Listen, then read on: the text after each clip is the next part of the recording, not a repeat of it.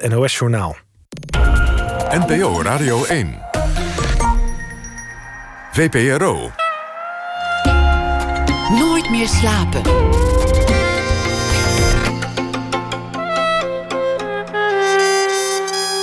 Met Pieter van der Wielen. Goedenacht en welkom bij Nooit meer slapen. Hoe vaak zou mijn gast komend uur het woord Brexit hebben uitgesproken? En als je al zijn bijdrage over die Brexit dan achter elkaar zou afspelen, zou het dan inmiddels 2022 zijn als je klaar was? En was die Brexit achteraf eigenlijk wel zo belangrijk? Eerst maar even het goede nieuws. Tim de Wit zit tegenover mij. Terug in Nederland na vele omzwervingen van Zuid-Afrika, Duitsland en vooral Engeland, waar hij jarenlang correspondent was voor de NOS. En nu wordt hij in het nieuwe jaar vaste presentator op deze zender NPO Radio 1 van VPRO's Bureau Buitenland. Tim de Wit, geboren in 1982, was de afgelopen zeven jaar correspondent en hij lunchte in Buckingham Palace Oh, wacht, dit klinkt heel raar. Ik heb het zo opgeschreven. Hij lunchte alsof je zeven jaar lang in Buckingham Palace hebt geluncht. Alsof, dat is niet het geval, Pieter. Alsof dat je vaste lunchadres was geworden. Dat je daar ook een favoriete barista had. In de vorm van een van de lakeien.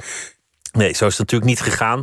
De afgelopen zeven jaar, ik ga het even goed doen, maakte hij vele avonturen mee. Zo lunchte hij één keer, maar dat is nog steeds meer dan de meeste, in Buckingham Palace. En dat aan dezelfde tafel als de koningin zat niet naast de koningin. Hij leerde cricket. Hij zag alle hoeken van het eiland. Sprak duizenden keren het woord Brexit uit. En, uh, en dus die lunch in Buckingham Palace. Tim de Wet, hartelijk welkom. Leuk dat je er bent. Ja, heel leuk om hier te zijn. Nou, vertel dan maar meteen even over, over die lunch op Buckingham Palace. Nou, het was een diner, moet ik eerlijk, eerlijk bekennen. Dat was, uh... nou, het gaat lekker. Er klopt geen, ja, klopt geen hout van. Wat is dit voor programma? Dat was tijdens het staatsbanket. Uh, toen Willem-Alexander en Maxima op staatsbezoek waren bij de Queen. En ja, dan heb je zo'n uh, diner waar een klein gezelschap gasten voor wordt uitgenodigd. Ik ben nog steeds totaal verbaasd over dat er ineens bij mij een uitnodiging op de mat viel. Zo'n prachtige envelop hè, die van Buckingham Palace komt met het mooie watermerk van de Queen op die envelop. Nou, dan denk je wel van die is voor de buren.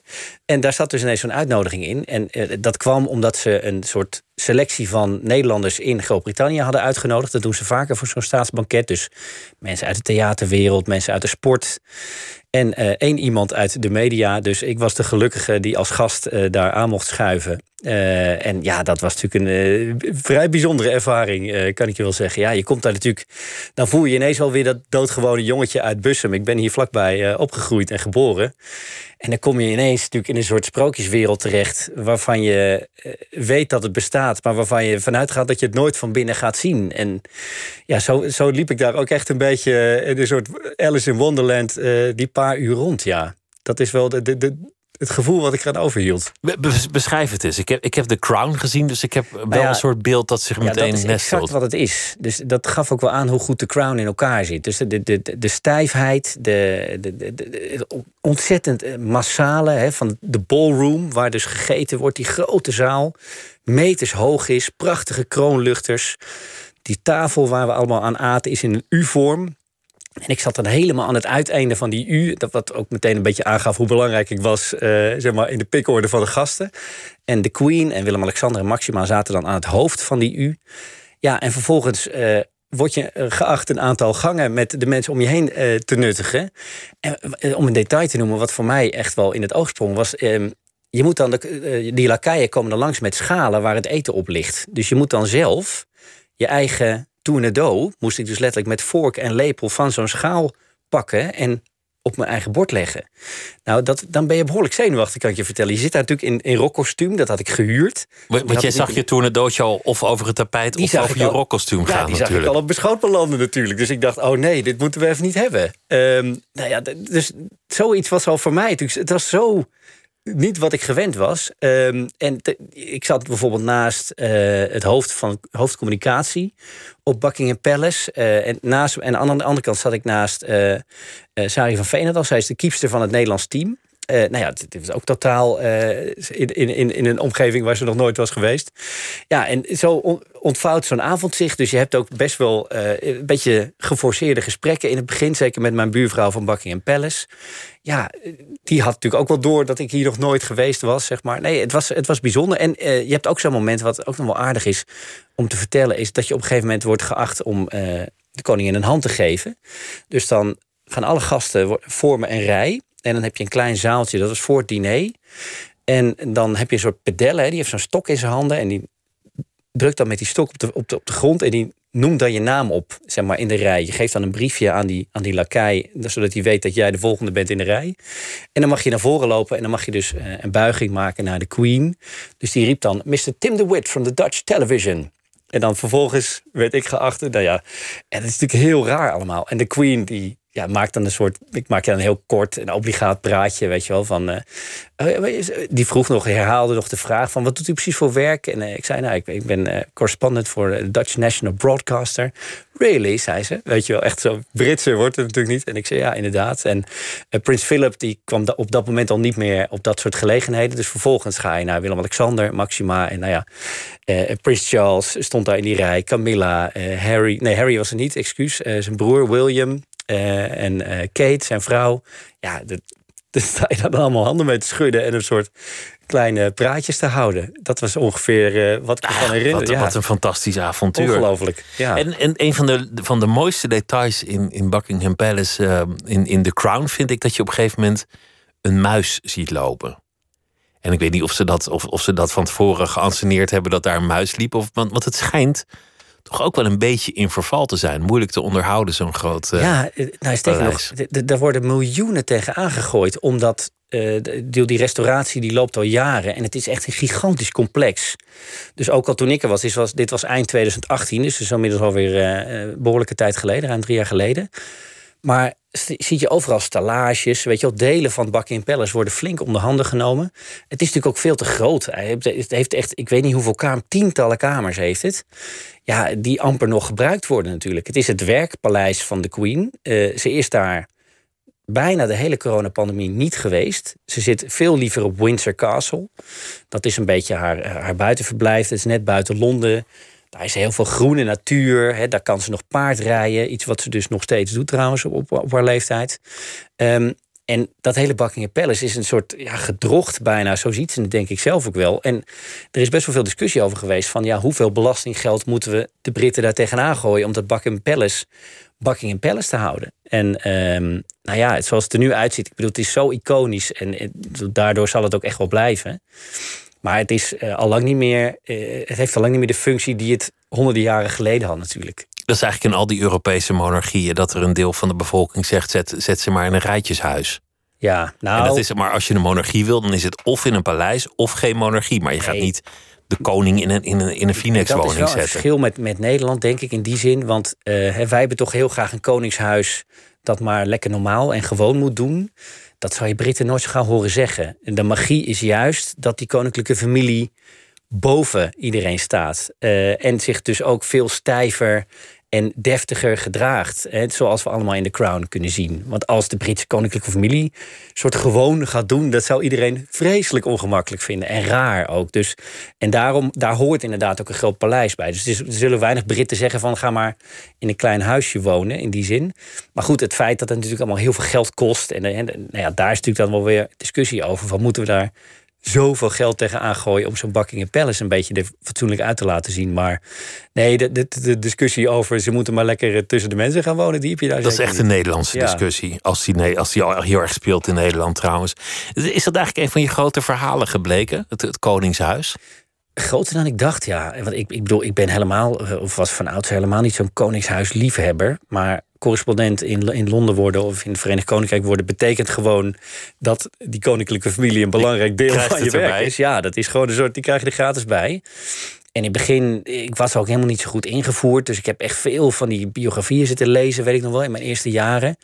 Eh, over Philip. Philip was altijd op, op- in mijn eerste jaren al. Is natuurlijk ook een beetje je grote angst als correspondent. En Stel dat zo'n groot eh, lid van, of belangrijk lid van de koninklijke familie komt te overlijden. Ja, dan weet je, dat wordt zo- dusdanig breaking news ook bij de NOS. Dan moet je er wel staan en ook verdomd veel weten over wat die mensen allemaal gedaan hebben in hun leven. Dus dat was Het zal maar net zijn dat je middagdutje doet en je telefoon niet kan horen. En dan, gaat hij dood. Ik bedoel, je moet in die zin echt beschikbaar zijn voor zo'n gebeurtenis. Ja, zeker. Maar natuurlijk ook wel de kennis en, en alle, alles wat je daarover moet weten. In je hoofd met je meedragen. En, en dat had ik natuurlijk in het begin helemaal niet. Dus daarom was het voor mij altijd wel, uh, zeker in de eerste jaren kan ik me dat nog wel herinneren. Ik dacht, oh ja, ik moet hier enorm veel uh, informatie over opzuigen, voordat ik hier uh, een beetje over kan praten. En gek genoeg ga je het daardoor ook leuker vinden.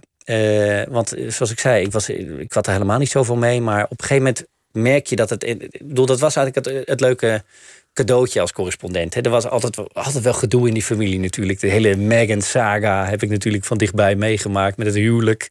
Waarin ze nog eh, tot in de hemel werd geprezen door iedereen. En, en vervolgens ja, het feit dat ze gewoon uit de familie is gestapt samen met, uh, met Prins Harry. Nou ja, dat was, het heeft natuurlijk iets heel erg vermakelijks ook. In zekere zin. Dat, het, is een soort feuilleton, een, een soap. In, in en, dat, en dat was tussen al die Brexit-ellende. En dat is de eerste keer dat ik het genoemd heb deze avond. Maar tussen al die Brexit-ellende door ook wel is fijn om even dan dat Koningshuis weer, dat ruzie in de Koningshuis weer even te kunnen doen. Ja, meteen maar even een steen in de vijver. Nu we een paar jaar verder zijn. Was die Brexit eigenlijk wel zo belangrijk? Het ging er zoveel over in Nederland. Op de radio, op tv, in de kranten. Vertel me wat, ja. Elke stap in het debat werd uitgebreid verslagen. Ja. En eigenlijk had iedereen in Nederland, links of rechts, maakt helemaal niet zo heel veel uit. Het oordeel wel klaar. Een, een, een paar mensen en partijen daar gelaten. Van, van dit is een ramp, dit is een soort economische zelfmoord. Ja. Ze zijn dwaas. Daar, daar kunnen we het ook nog over hebben. Maar eerst maar gewoon het, het, het historisch belang van Brexit. Nou, het heeft mij ontzettend verbaasd, eh, Pieter, dat er zoveel aan, dat, dat ik zoveel gebeld werd. Ik bedoel, eh, ik was als correspondent vooral ook op de rem aan het trappen van jongens, moeten we dit ook al doen? En dit, hè, van. Dat mag wel wat minder. Het mag wel wat minder. Uh, en ik, ik, ik kon, ja, dat ging ik mezelf ook afvragen. Van, uh, waarom doen we dit eigenlijk allemaal zo minutieus? Dat, dat doen we bij geen enkel ander land. Um, en de, de verklaring is volgens mij wel echt dat het die Britse politiek zorgde voor zoveel theater dat je. Het werd een soort, ook een soort soapserie waarvan we altijd maar weer de volgende aflevering wilden weten. Omdat allemaal wel karakters waren. Exact. die John Bercow, die, die ja. uh, Farage, Boris Johnson. Dat zijn natuurlijk allemaal theatrale persoonlijkheden. Heerlijk. Ja, wat wil je nog meer? En ik, ik was hiervoor, voordat ik naar Engeland vertrok, correspondent in Duitsland. Ja, daar had je dus, uh, ik heb ook verkiezingen meegemaakt. En die won Merkel glansrijk. En twee dagen later was er niet zoveel spannends meer over te vertellen. En waren er helemaal niet zoveel van die, van die uh, excentrieke figuren in de politiek... die, die, die zorgden voor opsmuk en drama. En ja, bij die, die Britten ging het maar door. Dus ik denk dat dat ook er, er wel voor zorgde... dat het in Nederland zo aantrekkelijk bleef. En het was wel unprecedented, hè, zoals de Engelsen zeggen. Dit, dit was nog nooit eerder voorgekomen. Dus ja, het was wel degelijk echt heel belangrijk. Ik denk dat Brexit, het feit dat zo'n grote uh, lidstaat uit de Europese Unie is gestapt. Uh, voor het eerst uh, in de geschiedenis van de Europese Unie, die sinds de Tweede Wereldoorlog alleen maar bezig is geweest met uitbreiding. Ja, ik denk dat het een van de belangrijkste momenten is sinds de val van de muur, bijvoorbeeld, voor de Europese geschiedenis. Ik denk dat, dat, ook, dat we het op die manier ook zullen herinneren. Dus, en waar zit hem dat belang dan precies in? Nou ja, dat je, het, de Europese Unie was er altijd op gericht om te zorgen voor stabiliteit, rust en uitbreiding. En alle lidstaten waren het daar in principe wel over eens. Van als we die kant op gaan, dan zorgen we dat uh, ook de landen die erbij komen er uiteindelijk economisch van gaan profiteren. En ineens staat er dus zo'n. Want een van de grote drie lidstaten, want dat was het Verenigd Koninkrijk, staat gewoon op. En natuurlijk niet iedereen, want eh, nou ja, er is eindeloos veel. Het heeft ook echt voor een enorme scheur in die samenleving natuurlijk gezorgd. Maar een meerderheid van de Britten stemt uh, bij de vraag van willen jullie hierbij blijven of niet, gewoon voor we stappen eruit. Ja, dat is, uh, dat is echt wel even een aardschok geweest. En, uh, de eerste stok in de spaken van dat grote exact, onbetwiste dat project. Ja, en um, nou ja, en dat is denk ik ook de reden waarom er het eerste, de eerste maanden een soort schok, zeker natuurlijk de eerste dagen, maar dat heeft best wel lang geduurd door alle Europese hoofdsteden is gegaan. Ook van wat, moeten we hiermee? He, hoe gaan we hierop reageren? Hoe gaan we hiermee om? En ondertussen waar ik zat, in, in, in Londen met name, oh, ja, het was een soort nou, onge, ook ongeëvenaard politiek drama wat zich daar ontvouwde natuurlijk in de maanden daarna. Premiers die vertrokken. Um, dat ook echt bleek dat David Cameron hadden we toen nog. Het voelt echt als een eeuwigheid geleden. Die had geen enkel plan klaar liggen. Zijn regering had niks voorbereid over. Hij had het referendum uitgeschreven en, en hij denkt dat win ik wel. Vertrouwd op, op, op weet ik veel, Allah of goed geluk. Ja. En hij had dus helemaal niet gewoon serieus met zijn minister van Financiën gezeten van oké, ehm, als dit gebeurt, hoe gaan we erop reageren? Wat gaan we dan doen? Er was geen enkel plan. Ja, dat is, wat is voor mij altijd een van de grote verrassingen geweest. Het, het zegt ook heel veel over de Britse mentaliteit in zekere zin. En er zit heel veel van, ach, we improviseren ons er wel weer doorheen uh, in. Wat in zekere zin ze ook wel siert. Uh, een groot verschil met de Duitsers bijvoorbeeld. Maar aan de andere kant natuurlijk onbegrijpelijk dat je zo'n belangrijke keuze voorlegt aan je eigen bevolking. En daar helemaal niet echt fatsoenlijk op voorbereid als het wel eens mis zou kunnen gaan. Maar er waren ook parlementariërs en prominenten die heel erg voor Brexit waren. En toen het gebeurde, ineens begonnen terug te deinsen en dachten: oei, wat hebben we nou gedaan? Nou, voor mij ook een van die meest, uh, uh, momenten die me het meeste bij zijn gebleven... is de ochtend na het referendum. Boris Johnson was natuurlijk het icoon hè, van die Brexit-campagne. Die klom op die rode bus, ging het hele land door... en heeft ontzettend... Het feit dat hij voor Brexit koos... maakte het ook in, in, in zekere zin salonveeg om voor Brexit te stemmen. hij was op dat moment nog burgemeester van Londen. Een gematigde conservatief, zo werd hij op dat moment nog gezien. Uh, heel anders dan Nigel Farage. Hè. Dat was veel meer de, de rechtspopulistische vleugel van Groot-Brittannië met zijn UKIP-partij. Daar wilden heel veel mensen niet zoveel mee te maken hebben. Maar een groot deel van de conservatieven, dus waaronder Boris Johnson, dachten: dit is gewoon een hartstikke goed idee. Wij gaan ervoor. Nou, daardoor is er dus ook, dat heeft voor een enorme stroming gezorgd, die wakker is geworden tussen aanleidingstekens en dacht: nou ja, als, als zij hiervoor gaan, dan kunnen we het wel doen. En uh, ik denk dat dat er dus wel voor gezorgd heeft. Of, uh, sorry, zou, uh, mijn punt wat ik wilde maken is dat Boris Johnson na die uitslag, dus als gezicht voor de camera's verschijnt. En je zou dan toch verwachten dat je een polo, in een Polonaise lopende Boris Johnson ziet met een feestmuts op. Die zegt: Jongens, we hebben het geflikt. Maar hij was zo ontzettend bang ijzig. Hij keek in die ja, je kan het op YouTube opzoeken. Je weet niet wat je ziet. Je ziet dus een hij winnaar. was bleek weggetrokken. Nou ja, hij wist van, oh jee, nu moeten we dit gaan waarmaken. Ook Johnson dacht waarschijnlijk, dit gaat niet gebeuren. Dit is voor mij een hele, hele slimme manier om mezelf zo richting, richting het leiderschap van de partij te manoeuvreren. Maar ik hoop toch niet dat ik deze brokken hoef op te lossen uiteindelijk. Nou, die sfeer vond ik fascinerend, ja. Er, er, was ook wel veel, veel lelijke demagogie in aanloop naar het referendum. Ja, dat is heel lelijk. Dat, dat, dat dan al het geld naar de EU ging. En dat, die bedragen klopt ook helemaal niet. Dat die dan naar de, naar, de, naar, de, naar de zorg zouden kunnen gaan. Ja. Ja. Het was onbeschaamd. Dat stond dus op die rode bus hè, waar ik het net over had. Die en werd later weer ontkend dat die bus bestaan had. Terwijl er gewoon foto's van waren. Nee, het, het, het, het, dat was een hele vieze campagne. Met heel veel leugens. Van beide kanten moet ik overigens zeggen hoor. Uh, de Brexit-campagne ging, de, ging de heel. Die, Boris Johnson die zei gewoon glashard. Ja, Turkije staat op het punt om lid te worden van de Europese Unie. Dat moeten we toch niet willen?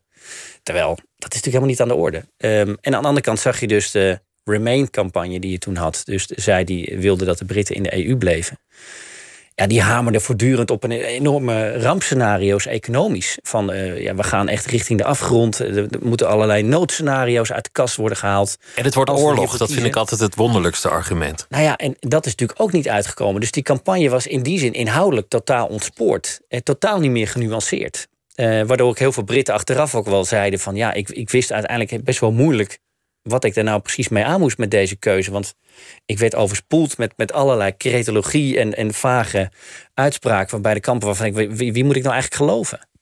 Nou ja, dus er, is een hoop, uh, er zijn een hoop lessen uit te trekken, ja, wat daar is gebeurd uh, toen de tijd. Waarom, waarom wilden de Britten het uiteindelijk toch zo graag?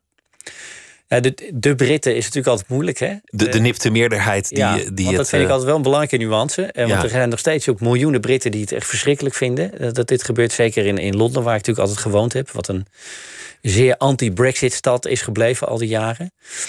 Het zijn een paar dingen geweest. Dus ehm, het meest concrete was natuurlijk migratie. Um, Groot-Brittannië was het land waar heel veel, met name Oost-Europese migranten naartoe trokken de afgelopen jaren. De Britten hadden nog pond uh, Britse pond, wat uh, echt een sterke munt was, uh, lange tijd, sterker dan de euro. Dus in die zin aantrekkelijk voor mensen uit Polen. er was heel veel werkgelegenheid. Het is echt een kapitalistisch land.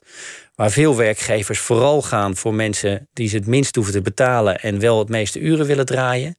er is niet zoveel regelgeving als het daarop aankomt. Het is niet de verzorgingsstaat zoals we het hier kennen. Nou ja, dat zorgt natuurlijk bij heel veel Engelsen met name ehm, voor het gevoel van ja, de politiek ziet ons niet meer staan. Hè. Wij krijgen te maken, zeker laag opgeleide werknemers, te maken met concurrentie waar we gewoon het niet van kunnen winnen. Die het voor salarissen doen waar, waarvoor wij het gewoon niet kunnen doen. Politiek doet daar niks aan. Uh, dat is denk ik echt wel een belangrijke reden geweest. En je kan natuurlijk afvragen van, eh, is dat nou de schuld geweest van de Europese Unie of van de Britse regering die daar jarenlang natuurlijk uh, hardgrondig mee eens was om zoveel mogelijk arbeidsmigranten binnen te halen? Het, het, antwoord is het laatste namelijk, um, maar in mijn ogen tenminste. Maar um, het is wel heel het gevoel wat toen, zoals dat toen zeker in het midden en het noorden van Engeland, de, de, oude mijnwerkersstreken zeg ik maar even, waar een groot deel van de Britse working class woont, ja, die hadden het gevoel van er zit geen rem op die immigratie, daar moeten we vanaf. En het andere grote verhaal was het, het gevoel van soevereiniteit. Van, uh, wij Toch altijd weer, een eiland gebleven. Ja, wij willen weer uh, echt over onze eigen wetten en regels gaan. We willen niet dat, zoals het altijd uh, Nigel Farage zei het altijd mooi over de unelected bureaucrats in Brussel. Hè, dus de ongekozen bureaucraten die daar in die, in die torens van de Europese Unie zitten. Die bepalen wat wij hier in Groot-Brittannië doen. Het, het, is een schande. Nou, dat gevoel, ook al is het niet eens zo vreselijk tastbaar. Hè, want soevereiniteit is natuurlijk een vrij abstract begrip.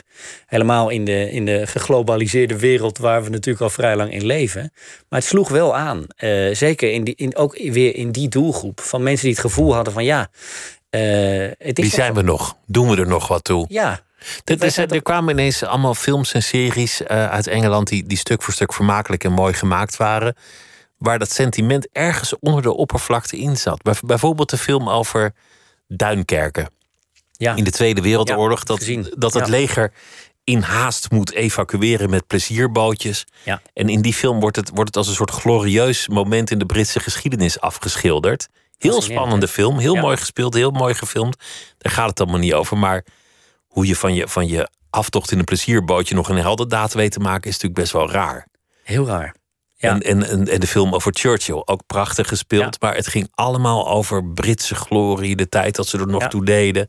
Wij flikken dit. En dat was vanuit hier natuurlijk moeilijk te begrijpen. Recent las ik bij een aantal commentatoren in Nederland.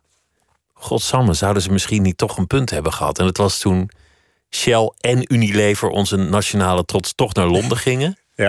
En toen ze toch iets sneller waren met prikken dan wij hier met, met COVID. Toen kwam toch ineens het gevoel van: Jezus, hebben we het verkeerd gezien? Misschien hebben ze het eigenlijk wel heel verstandig gedaan. Tja, nou ja, daar kunnen we een paar bomen over opzetten. Ehm, maar dit zijn wel dingen. Ja, ik bedoel, ehm, als je kijkt naar Shell en Unilever. Uh, kijk, in zekere zin heeft Brexit daar, daar dat, hele proces wel uh, bespoedigd, denk ik. Dat waren allebei bedrijven die zowel in Nederland als in Groot-Brittannië gevestigd waren, met, met hoofdkantoren. En nooit hoefden te kiezen. Precies, hè? en de Anglo-Dutch uh, geschiedenis ook trots uitdroegen altijd. Maar op een gegeven moment merkte van door Brexit was Groot-Brittannië viel niet meer onder hetzelfde kapsel van regels als, uh, als Nederland. Want die zaten nog wel in de Europese Unie. Dus ze werden steeds meer gedwongen om daarin een keuze te maken. Ja, en dan blijkt Londen nog steeds gewoon uh, de belangrijkste, het belangrijkste financiële centrum van Europa te zijn. Ondanks dat ze uit de Europese Unie zijn gestapt. Dat zal ook voorlopig gewoon blijven.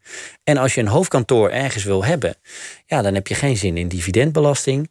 Dan heb je het liefste, wil je in een infrastructuur zitten waar de beste advocaten zitten, uh, waar je op een aandelenbeurs terechtkomt die uh, beter aangeschreven staat dan, dan een AEX bijvoorbeeld, de Londense Stock Exchange. Nou ja, dat zijn allemaal natuurlijk factoren geweest die voor een Shell en voor een Unilever ongetwijfeld een belangrijke rol hebben gespeeld. Het woord Brexit komt in beide persberichten niet voor, kan ik me nog herinneren, dat het natuurlijk allebei waar die bedrijven ver van willen blijven. Nee, en wel geruststellend zeggen, maar je kunt gewoon in Nederland blijven tanken. Ja, precies. Dat, ja. dat was en bijna een sneer. ook wel groot, grotendeels aanwezig hier. Hè. Het is niet zo dat allerlei of, of, duizenden mensen hun banen zijn kwijtgeraakt als gevolg daarvan. Het is natuurlijk vooral echt die verhuizing van het hoofdkantoor geweest. Maar het is echt wel een statement geweest. Want inderdaad, hè, er zijn genoeg mensen die zeiden van zie je wel. Uh, zo, zo slecht gaat het met Groot-Brittannië niet. Nou, dat is natuurlijk een vrij genuanceerd verhaal. Uh, want uh, dat verhaal over die city is de ene kant van het verhaal. Maar aan de andere kant Ja, kijk, en, en Shell en Unilever hebben met hun hoofdkantoor niet zoveel last van al die handelsbarrières die er nu gewoon zijn sinds uh, inmiddels bijna een jaar, sinds 1 januari afgelopen jaar. Brexit eh, heeft het veel ingewikkelder uh, gemaakt. En ik heb ontzettend veel ondernemers gesproken, Britse ondernemers, die juist weer bezig waren met het opzetten van entiteiten in Nederland bijvoorbeeld, of in Duitsland, om maar te zorgen dat ze met hun bedrijf wel in de Europese Unie zaten. In die reusachtige markt kunnen komen. Ja, want dat is gewoon nog heel erg belangrijk voor zeker exporterende bedrijven. Er, er was ook nog iets anders, namelijk de, de onderzeebootdeal, wat eigenlijk een soort potentieel defensieakkoord in zich herbergde, waar de Fransen woedend over waren. En de Engelsen mochten wel meedoen en de Fransen niet. Ja. Ook dat was zo'n moment dat, dat iedereen dacht. Oei, er, gaan toch wel dingen ook goed in het voordeel van de, van de Britten. Ja, en ik ken maar zeker. En, dat, en het is ook wat je vooral ziet, is hoe die Britse regering daar natuurlijk ook meteen uh, slaatje probeert uit te slaan. Hè. Dus zeker met, met zo'n AUKUS deal hè, waar je aan refereert. Maar net zo goed als met Shell en Unilever. Dan wordt meteen dus dan zie je ministers meteen twitteren. Van kijk toch eens hè, hoe wij als onafhankelijk van de Europese Unie gewoon dit voor elkaar krijgen. En moet je kijken hoe Amerika ons dus als militaire macht wel serieus neemt. En de Fransen niet. Uh, zeker. Dus uh, op die manier wordt dat natuurlijk allemaal helemaal uitgemolken. Um, waar de Britse regering alleen minder eerlijk over is, is, is wat uiteindelijk uh, zeker op de middellange termijn de, economische effecten zullen zijn van Brexit. Die zijn gewoon stevig. Uh, kijk, natuurlijk, uh, de coronapandemie heeft een soort deken over al die problemen gelegd, waardoor het moeilijker zichtbaar is. Maar er zijn nu echt wel wat serieuze onderzoeken gedaan, waaruit je gewoon duidelijk kunt zien ja, dat de Britten echt veel, op, als het op handelsvolumes aankomt, echt harde klappen hebben gekregen. Ja, dat zal op de lange termijn, of ik denk zelfs middellange termijn, wel blijken hoe ze daar uitkomen. En nogmaals, dat betekent echt niet dat het land uh, de afgrond inrolt. Dat heb ik ook nooit beweerd. Maar uh, het wordt zeker, en daar ben ik dus wel benieuwd naar, uh, zijn het de mensen uiteindelijk, hè, want als de prijzen enorm gaan stijgen als het gevolg van die barrières, uh, dan zijn het vooral de mensen met de kleine portemonnee die dat het hardst gaan voelen. En in die categorie hebben de meerderheid, de ruime meerderheid zelfs, voor Brexit gestemd. En soms willens en wetens, wetend dat ze tegen hun eigen belang instemden en het toch doen. En dat heeft me altijd wel verbaasd. Want dat heb ik met veel mensen besproken in de afgelopen jaren. Van, je weet, als je weet dat al die economen dit allemaal voorspellen. En je stemt er toch voor. En dan, dan heb je natuurlijk een groep die zegt, ach, die economen die zeggen ook maar wat. Maar je hebt ook een groep mensen die gewoon zei, ik weet, ik heb al niet zoveel. Ik, maar dit vind ik zo belangrijk. Hè. Dit is mijn moment eindelijk een keer om mijn stem te kunnen laten horen. Dus die, die, dat moment pak ik gewoon. Het ideologische is belangrijker dus dan wat ik uiteindelijk onder de streep in mijn portemonnee uh, aan over zou houden. Dat heeft mij wel heel erg verbaasd, want we dachten toch altijd, zeker ook in Groot-Brittannië, dat mensen met hun portemonnee stemmen. Hè? Van wat schiet ik hier uiteindelijk eh, mee op? De beroemde It's the economy stupid uitspraak. Hè? En bij dit referendum is dus gebleken dat dat niet de doorslaggevende factor is geweest. Die Remain-campagne heeft alleen maar op de economie gehamerd. Dat was hun enige argument. En er was een, was een andere emotie waar het over ging. Ja, en dat hebben ze totaal onderschat. En zo'n zo zo detail wat me altijd is bijgebleven, is dat bijna, ik geloof 2,8 miljoen mensen hebben in dat referendum gestemd die nog nooit eerder hadden gestemd. Dat is bijvoorbeeld dus ook de groep die door opiniepeilers over het hoofd is gezien. En dat is de groep die dus net het verschil heeft gemaakt in die uitslag. Um, moet je je voorstellen dat je nooit in je leven hebt gestemd, maar bij zo'n referendum en dat het overgrote dus nu gaat het ergens over, nu, ga ik ze pakken. Precies. En je hebt natuurlijk ook dat, dat ingewikkelde districtenstelsel, hè, die het ook voor mensen uh, moeilijker maakt om het gevoel te hebben dat ze grip hebben op de politiek. Want als jij in een district woont, wat nou wat al 200 jaar conservatief stemt, met een enorm dikke meerderheid, en je bent een Labour-aanhanger, ja, dan heeft het eigenlijk geen zin om te gaan stemmen, want het is de winner takes all in dat district. De rest van de stemmen komt te vervallen. Maar bij het referendum telde elke stem. Dus dat heeft er ook allemaal voor gezorgd dat dus het gevoel van politieke betrokkenheid en zelf dus ook het gevoel van uh, ideologisch vinden wij Brexit, het uit die EU stappen, belangrijker dan wat het ons economisch uiteindelijk kost. Ja, dat, dat, ik bedoel, allemaal dingen die ik pas in de jaren daarna. Uh, dat pas echt tot me door begonnen te dringen. Van hier is toch iets groots en iets, iets raars gebeurd. Precies, om jouw eerste vraag: van dit is echt, waarom is het zo belangrijk geweest? Ja, dit zijn toch wel dingen die we in Europa niet veel hebben gezien de afgelopen jaren. Voor wie net inschakelt, Tim de Wit zit tegenover mij. Hij is de nieuwe presentator van Bureau Buitenland op deze zender. En neemt afscheid als correspondent in Groot-Brittannië voor de NOS. En ja, je noemde al corona Dat is natuurlijk echt al helemaal geen leuk verhaal. Als je, als je, als je dat moet verslaan, omdat het overal hetzelfde is. Maar er was tijdens corona en is iets geks. Er was altijd een land dat het beter deed dan wij. Dat iedereen zei, daar lukt het allemaal wel.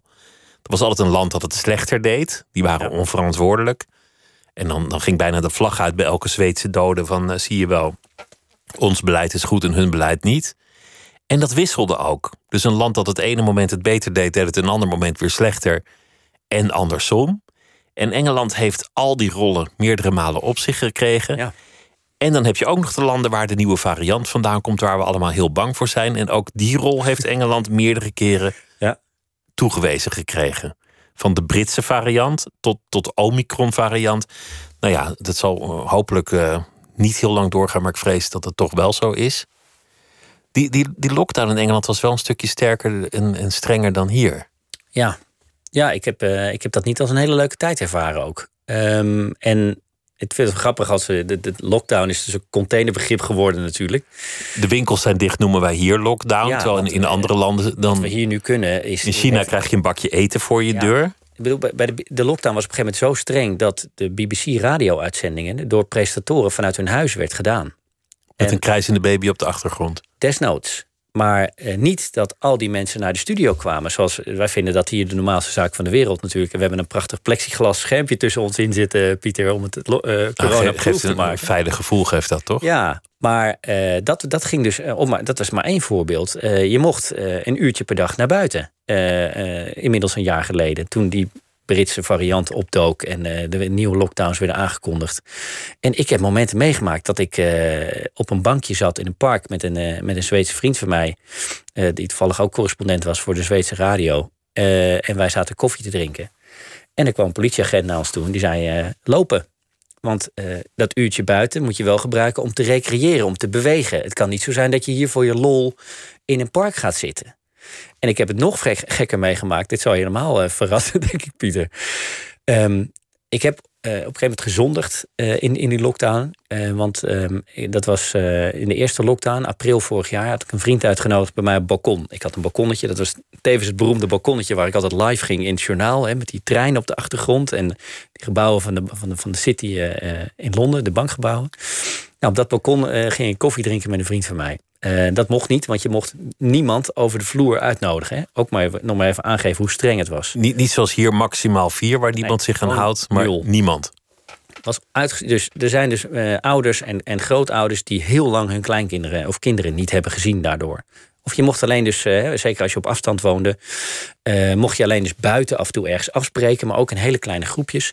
En toen is er dus iemand in mijn ofwel flatgebouw ofwel aan de overkant geweest die de politie heeft gebeld en heeft gezegd, ja die meneer daar eh, op nummer 9, waar, eh, eh, die heeft iemand over de vloer. Die zit er buiten er, op het was, er was in Engeland toch een speciale corona-kliklijn.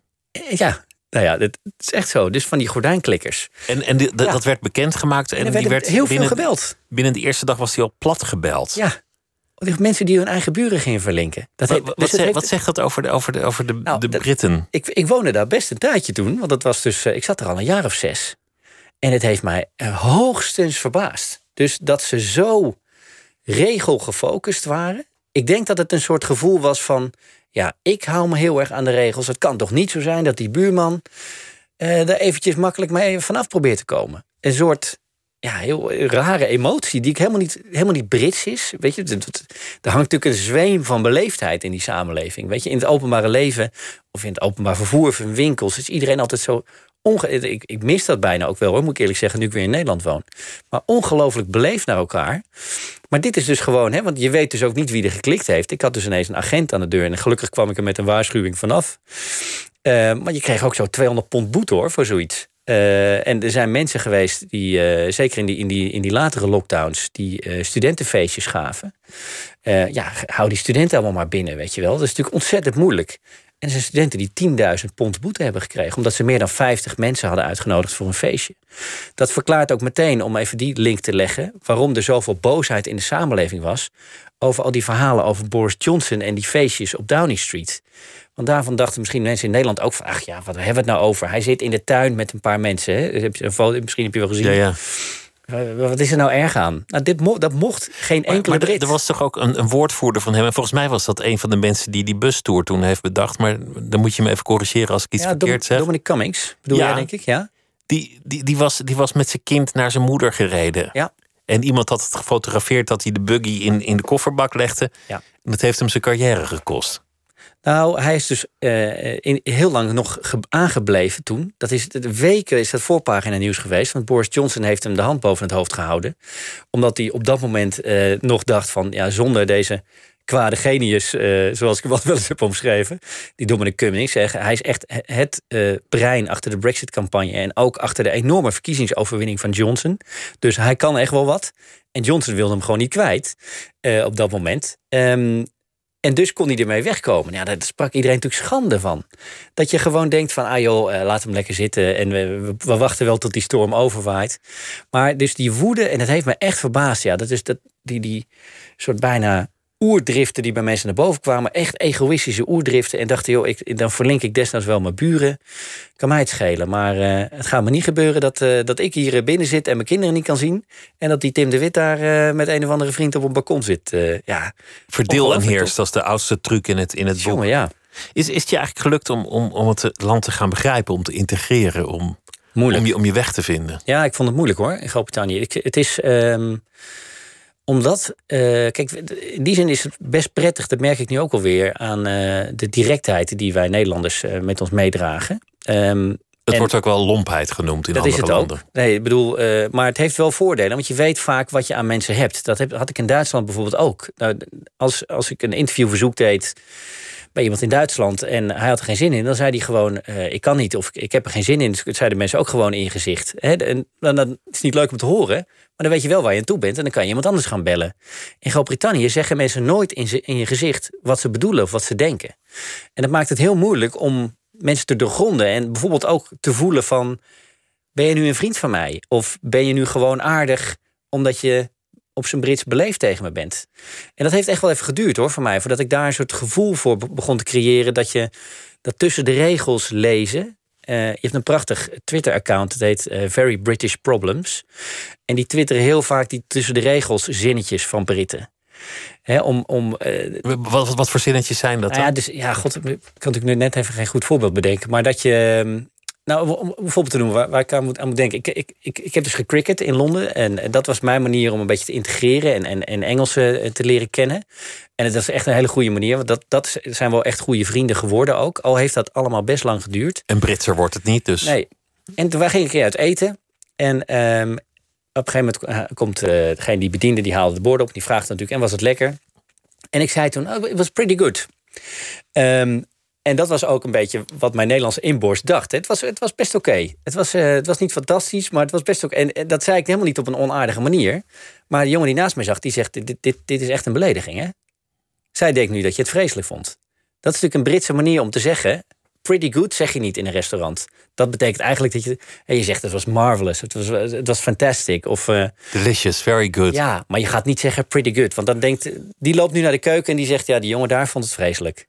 Dit, om, maar, om maar aan te geven hoe nauw de Engelse taal luistert... en hoe moeilijk het is dus om te weten wat mensen precies bedoelen. Hoe, hoe zou je dat dan moeten doen als het smerig was? En je, en je wilt niet zeggen dat het smerig was.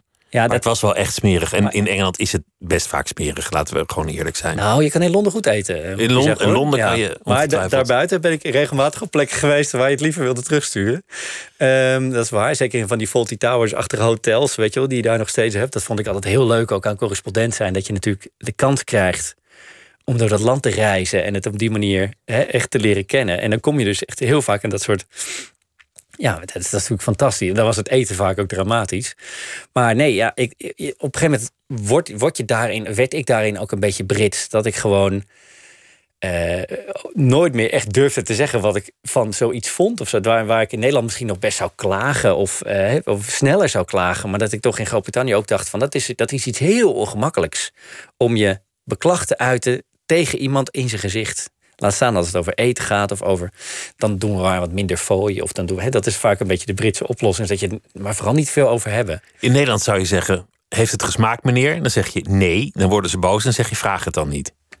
Bijvoorbeeld. En- en iedereen weet begrijpt dat. Maar iedereen weet waar hij aan toe is. Ja. dat, en dat, dat maakt het dus een moeilijk land, vind, tenminste voor mij, eh, om het goed te doorgronden. En eh, eh, op, om nog een voorbeeld te noemen. Dus in, in mijn eerste jaar dat ik bij die cricketjongens zat, was er een jongen uit mijn team en die zei tegen mij eh, in de eerste paar keer dat ik hem zag, eh, als ik mijn hand schudde, Tim, it's always such a pleasure to, to, to see you. Dat, dat is een hele overdreven manier om te zeggen. En ik kreeg, je krijgt er bijna vleugels van. Weet je wel? Van, nou, hij vindt het echt heel erg leuk dat ik er ben, blijkbaar. Terwijl ik hem pas één keer heb ontmoet. En dat, nou ja, we hebben niet heel lang gepraat. Weet je? Dat, dat proces speelde zich in mijn hoofd af. Het is gewoon voelde- beleefdheid. En ik voelde me heel speciaal tot ik doorhad dat hij het tegen iedereen zei. Dus het was een manier hoe hij gewoon mensen begroet. Oh, it's such a pleasure to see you, Peter. Great to see you again. Weet je wel, dus nou ja, dat is die Britse beleefdheid waar ik in het begin enorm aan moest wennen. Maar die het wel, ja, dit soort dingen maken het wel tot een heerlijk land. Maar je, je, bent, eh, je bent opgegroeid hier vlakbij, in, in, in Bussum, zei Ja. je. En, en eigenlijk had je al best wel jong een soort ambitie om, om de journalistiek in te gaan, of, of een interesse in die richting.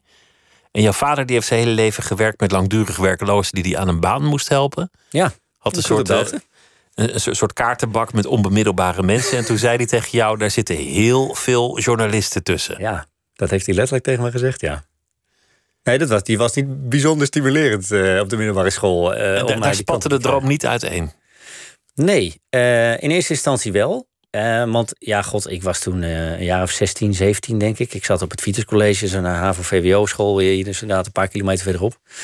En ehm, nou ja, ik, ik wist eigenlijk, ik, was altijd bezig met schrijven, met verhalen vertellen. En ik was heel erg, geschiedenis vond ik bijvoorbeeld een heerlijk vak. Vooral omdat ik een leuke docent had die het zo mooi kon vertellen. Eh, en dat, dat zorgde er bij mij heel erg voor dat ik dacht, daar moet ik iets mee. En ik kwam vrij snel uit bij journalistiek. Ehm, en, maar door mijn vader ben ik dus eh, in, in eerste instantie economie gaan studeren. Want ja, daar kon je wel een goede baan mee krijgen, tenminste. En dat was toch eigenlijk op zijn minst een beetje de, de, de reden van het leven. Hij is inmiddels helemaal bijgedraaid hoor, moet ik zeggen. Want eh, hij heeft inmiddels ook wel ingezien dat dat een verkeerde, verkeerd advies was op, eh, op die leeftijd. Maar na een jaar dacht ik al, ja, wat ben ik hier aan het doen? Ik zit daar in die, in die collegebank in Amsterdam en financiële rekenkunde en zo. En eh, wij gingen dan op bedrijfsbezoek naar ABN AMRO. En dan moest ik in een keurig pak. En liep ik met al die andere studenten. En dan kregen we te horen wat voor prachtige carrières er eh, voor ons eh, in in het verschiet lagen. En ik dacht, nee, dit is helemaal niet mijn ding. ik heb hier echt niks te zoeken. En toen heb ik het, nou ja, dat zullen misschien veel studenten wel herkennen. Dan heb je zo'n moment, dan ga je weer terug naar je ouders. Want ik woonde toen in Amsterdam. Dat was vlak voor kerst. En ik dacht, ik ga eerst maar even met mijn moeder praten. Want dat is altijd een beetje de bemiddelaar eh, in ons gezin geweest, zeg maar. Dus kijk hoe het bij haar valt. Nou ja, en, en, ik zei, ja, ik ga hiermee stoppen, want ik wil het gewoon niet. En eh, nou ja, die zei, ja, als je het echt niet leuk vindt... en als je zo tegenop ziet om nog door te gaan, dan moet je dat niet doen. En mijn vader zei toen, nou, er kwam een soort compromis uit van... eh, oké, nou, als jij journalistiek wil doen...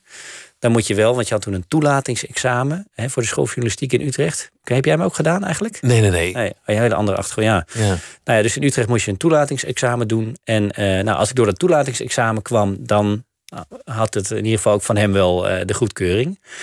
En ik moest naar de Vechtse banen in, in Utrecht, dat, eh, waar geschaatst wordt, maar daar wordt ook regelmatig tentamens gehouden. En dus ook de toelatingsexamen. Dus ik kwam daar binnen. Nou, dat waren echt een paar honderd studenten.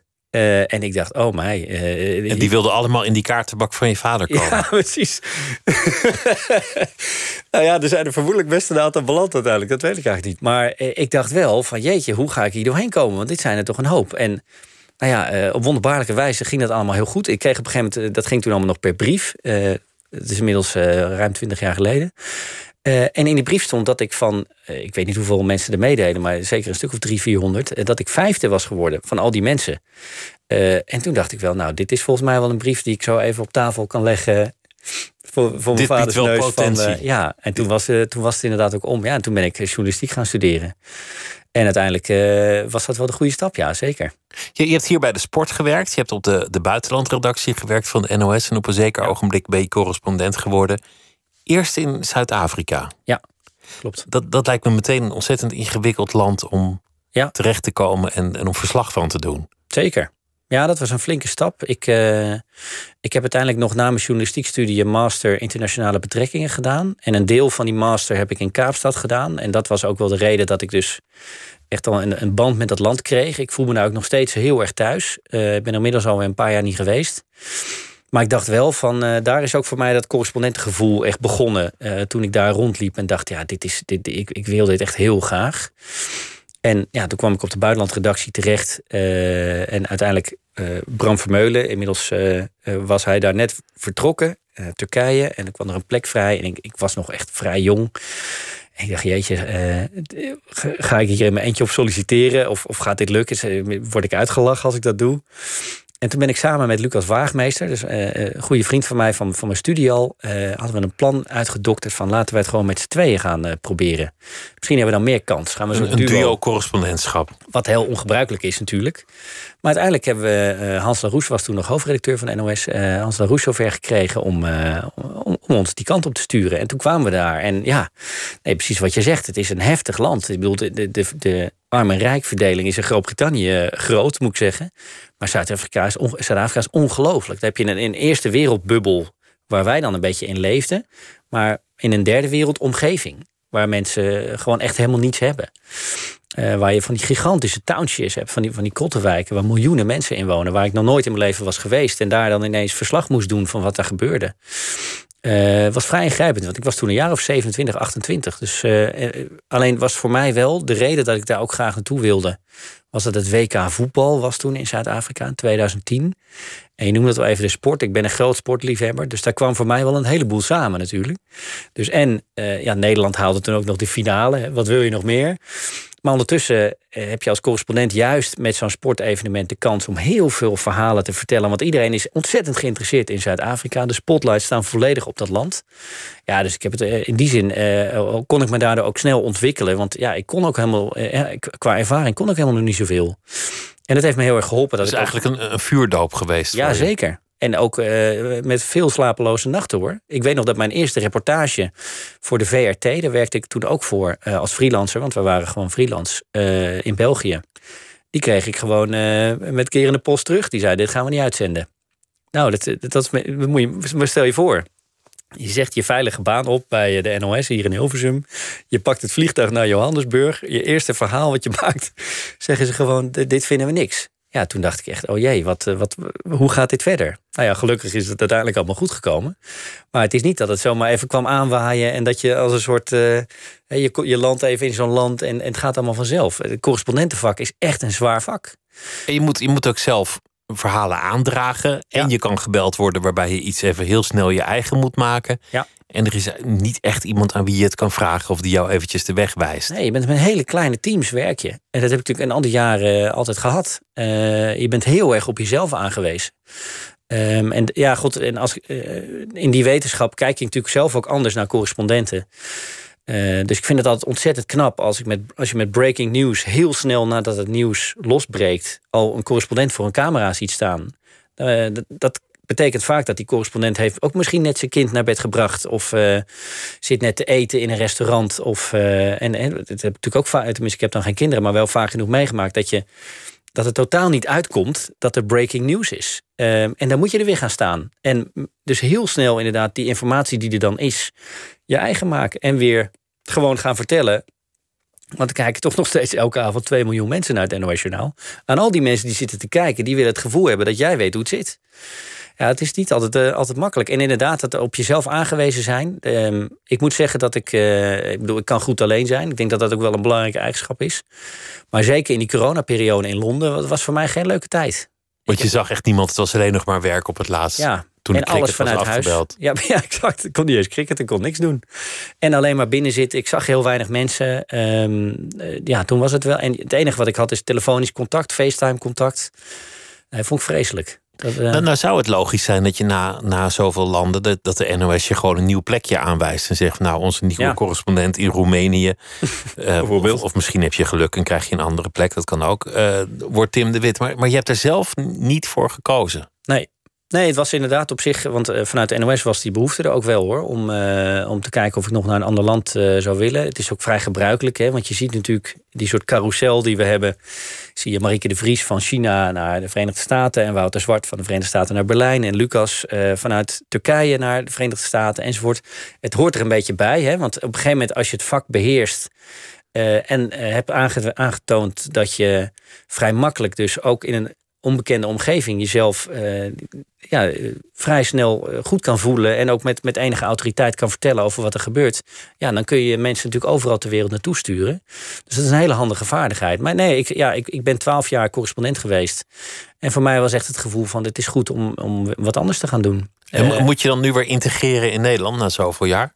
Ja, wel een beetje, ja. Iedereen vraagt dat de hele tijd ook aan me. Van hoe, is het wennen in Nederland en zo? Ja, dat is natuurlijk gewoon wennen. Als je twaalf jaar bent weg geweest, uh, dan. En, ik bedoel, het zijn een beetje clichés ook hoor. Want ik merkte, je moet, waar ik uh, eerder aan refereerde, die directeheid en die, uh, die lompheid, weet je wel. Dat ik, ik bedoel, ik weet nog dat ik net in Nederland was en ik liep Amsterdam Centraal Station uit. En ik, in mijn, ik ben soms zo'n dagdromer die dan aan, een beetje aan, in mijn hoofd zit, weet je wel. En omdat ik net terug was uit Engeland, liep ik nog aan de verkeerde kant van de weg, bijvoorbeeld. En daardoor kwam een fietser gewoon op mij af. Uh, er was een man met een kindje in zijn stoeltje op, op het stuur en zijn vrouw daarnaast. En die fietste natuurlijk op, recht op mij af. En ik, pas op het laatste moment zag ik, oh ja, ik, ik loop eigenlijk op het fietspad in plaats van op de stoep. En dan, ik zei, oh sorry, en meteen mijn eerste reactie. En uh, die man wordt zo boos dat hij stopt en van die fiets afstapt en mij op mijn bek wil slaan. En wil zeggen, ja, terwijl zijn kindje. Terwijl het kindje erbij was, de vrouw erbij. En die vrouw zei: Nou, doe nou rustig. Doe nou En dat was voor mij zo'n heftige ervaring. Gewoon dat ik denk: Hé, waar, waar, komt die agressie meteen vandaan? Ja, zeker omdat opvoeden voor het grootste deel gewoon gebeurt door het goede voorbeeld te geven. dus, dus dit kind groeit ook op voor galg en rat. Nou ja, inderdaad. Ik schrok, daar schrok ik zo van. En natuurlijk staat dat, is dat niet representatief voor Nederland. Maar het was wel even zo van: Oh, ik ben weer thuis. Weet je wel. Uh, en sowieso, dat, dat, merk je in de, in de omgang in het verkeer, in, in, in de trein, in, uh, in winkels. Het, het, ja, als mensen. Ik stond voor kerst stond ik in van die overvolle winkels nog proberen wat, wat, wat vis te krijgen voor het, voor het kerstdiner. En uh, per ongeluk uh, ging ik voor mijn beurt, klaarblijkelijk. Nou ja, dat vind ik echt erg. Want dat, dat, dat leer je wel als je in Groot-Brittannië woont. Dat doe je gewoon niet. Maar meteen zo'n heftige, agressieve reactie van iemand die dan gepasseerd wordt. Wow, ik vind dat toch heftige dingen. Ja, daar ben ik nog steeds niet helemaal aan gewend. Aan de mondige burgers hier ja. in Nederland. Je, je gaat Bureau Buitenland presenteren op deze zender. En dat is, dat is inmiddels wel een, een instituut geworden, na, na vele jaren. En blijft toch altijd uitdagend hoe je buitenlands nieuws brengt. Zeker over de landen die niet zoveel besproken worden als, als bijvoorbeeld Engeland. En het dan toch voor een groot publiek interessant weten houden. Ja. Nou ja. De, ja, de, de, de verkiezingen van, uh, van nou ja, noem maar gewoon eens een land. Nou ja, Nieuw-Zeeland. Hoe, hoe ga je dat nou spannend ik krijgen? Ik moest de meest uh, ingewikkelde Brexit-stemmingen avond aan avond proberen interessant te houden. Om me even een idee te geven. Uh, dat ik daar gelukkig enige ervaring mee heb. Maar uh, ik denk dat het wel elk buitenlandverhaal, zeker als het relevant is en enige urgentie in zich, in zich draagt, moet gewoon verteld kunnen worden op een interessante en aantrekkelijke manier. Um, en daar, ik ben heel blij dat er nog een programma als Bureau Buitenland is op Radio 1, wat volledig zich op buitenland richt. Um, en ik, ja, de, elk verhaal staat natuurlijk op zichzelf, maar er zijn eindeloos veel manieren om dat te doen. Uh, en ik, ik denk dat daar. Uh, zeker ook met de redactie die daar zit, uh, ja, daar, daar, heb ik alle vertrouwen in. Um, het is natuurlijk een van de paradoxen van de Nederlandse journalistiek dat het, terwijl Nederland zo internationaal is en waar je ook ter wereld komt, ja. de eerste tegen wie je op zult botsen is een Hollander. Ja. Of ze staan er met een caravan. En toch is de journalistiek steeds meer op Nederland gefocust geraakt. En de blik best wel naar binnen gekeerd geraakt. Ja. Er zijn echt nog wel, wel plekken waar ze hun best doen. En de kranten doen het nog wel heel goed. Ja, ik ben het daar niet helemaal mee eens. Ik vind namelijk, uh, en dat komt misschien ook omdat ik in een land als Groot-Brittannië woonde, waar de eerste 28 pagina's van de krant altijd alleen maar over Groot-Brittannië gaan. En dan heb je twee pagina's, dan heb ik het over de Times, hè, dus gewoon echt een kwaliteitskrant. En dan heb je twee of drie pagina's World News, waar gewoon even de hele wereld met stof en blik nog even zo uh, in, in elkaar wordt geveegd.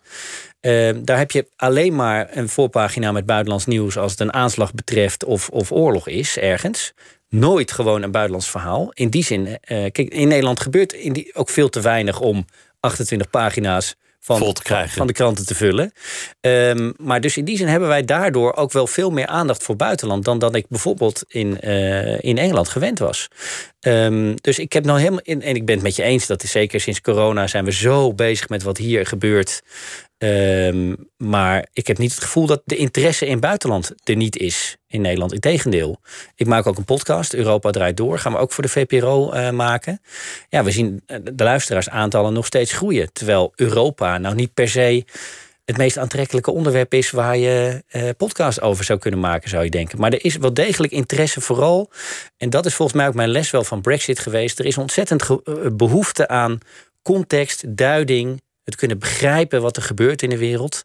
Um, omdat je heel veel vluchtig, zeker als je maar nieuws volgt via apps en uh, zoals de NOS of nu.nl dat levert, waar vaak korte berichtjes op staan, uh, ja, daar leer je uiteindelijk toch vaak niet goed genoeg van begrijpen hoe iets in elkaar zit.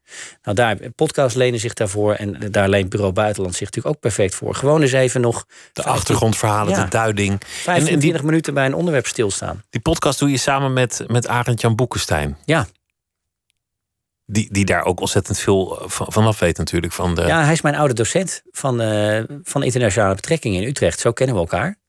En uh, ja, ik bedoel, ik heb, het, we hebben altijd een beetje contact gehouden. Het is, het is een hele aparte, maar ontzettend leuke vent. We kunnen het heel, echt ontzettend met elkaar lachen. Kunnen het ook heel goed met elkaar oneens zijn.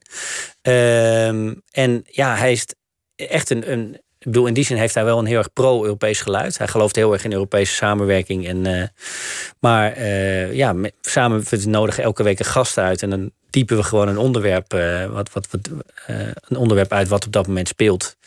Ja, en dat zorgt in ieder geval, vind ik, volgens mij best wel voor een leuke mix Waardoor je, of het nu eh, de, de, de troepenopbouw van Poetin is bij de grens met Oekraïne, of de aankomende Franse verkiezingen, eh, welke kandidaten gaan het Macron lastig maken, dat je ja, na een half uur, drie kwartier wel denkt van, oh wacht even.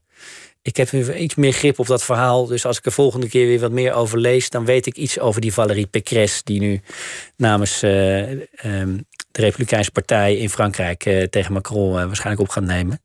Nou ja, dus en daarin hebben wij toch een soort mix gevoeld. Kijk, ik ben natuurlijk de journalist. Arend Jan is een beetje de, de duider, dus de, de allesvreter ook. Die man leest echt alles wat los en vast zit. En, want ik denk dat dat was ook altijd mijn idee achter die podcast. Ik denk, als ik het samen met een andere journalist was gaan doen, dan had je toch iets te veel van hetzelfde misschien gekregen. Maar dit is een soort mix. En hij is ook uh, 25, nee, iets minder, iets meer dan 20 jaar ouder dan ik. Ja, dat je een soort, een soort leuke mix krijgt. En dan gooien we dan nog een gast bij. En dan ontstaat er elke week weer wat. Dus. Uh, ja, en buitenland is hartstikke. Het buitenland leeft, Pieter. Ik geloof erin. Goed zo. En er komt ook een boek aan. Want dat is een, een traditie dat als iemand uh, correspondent is geweest. Ja.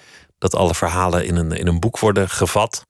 Nou, veel van de Britse onderwerpen waar we het over hadden komen zeker aan bod. Het, de titel is Wankel Koninkrijk. Want ik maak me in die zin wel zorgen over uh, welke kant het opgaat met Groot-Brittannië. En uh, nou ja, dan gaat het dus inderdaad over de conservatieve partij... die steeds meer corrupte trekjes begint te krijgen. hoe de media georganiseerd is. de uitwerkingen van Brexit. Ehm, nou ja, om maar een paar thema's te noemen. Maar hopelijk ligt het inderdaad in het voorjaar in de winkel. Want ik moet nog even de laatste puntjes op de i zetten van het boek. Ik wens je heel veel succes en ook met het presenteren van eh, Bureau Buitenland eh, in het nieuwe jaar. Op de middag op NPO Radio 1. Tim de Wit, dankjewel. Het was een genoegen om met je te spreken. Dankjewel Pieter, ik vond het leuk. En dit was Nooit meer slapen voor deze nacht. Morgen dan zijn we er weer en zo meteen op deze zender Miss Podcast. Goeienacht, tot morgen.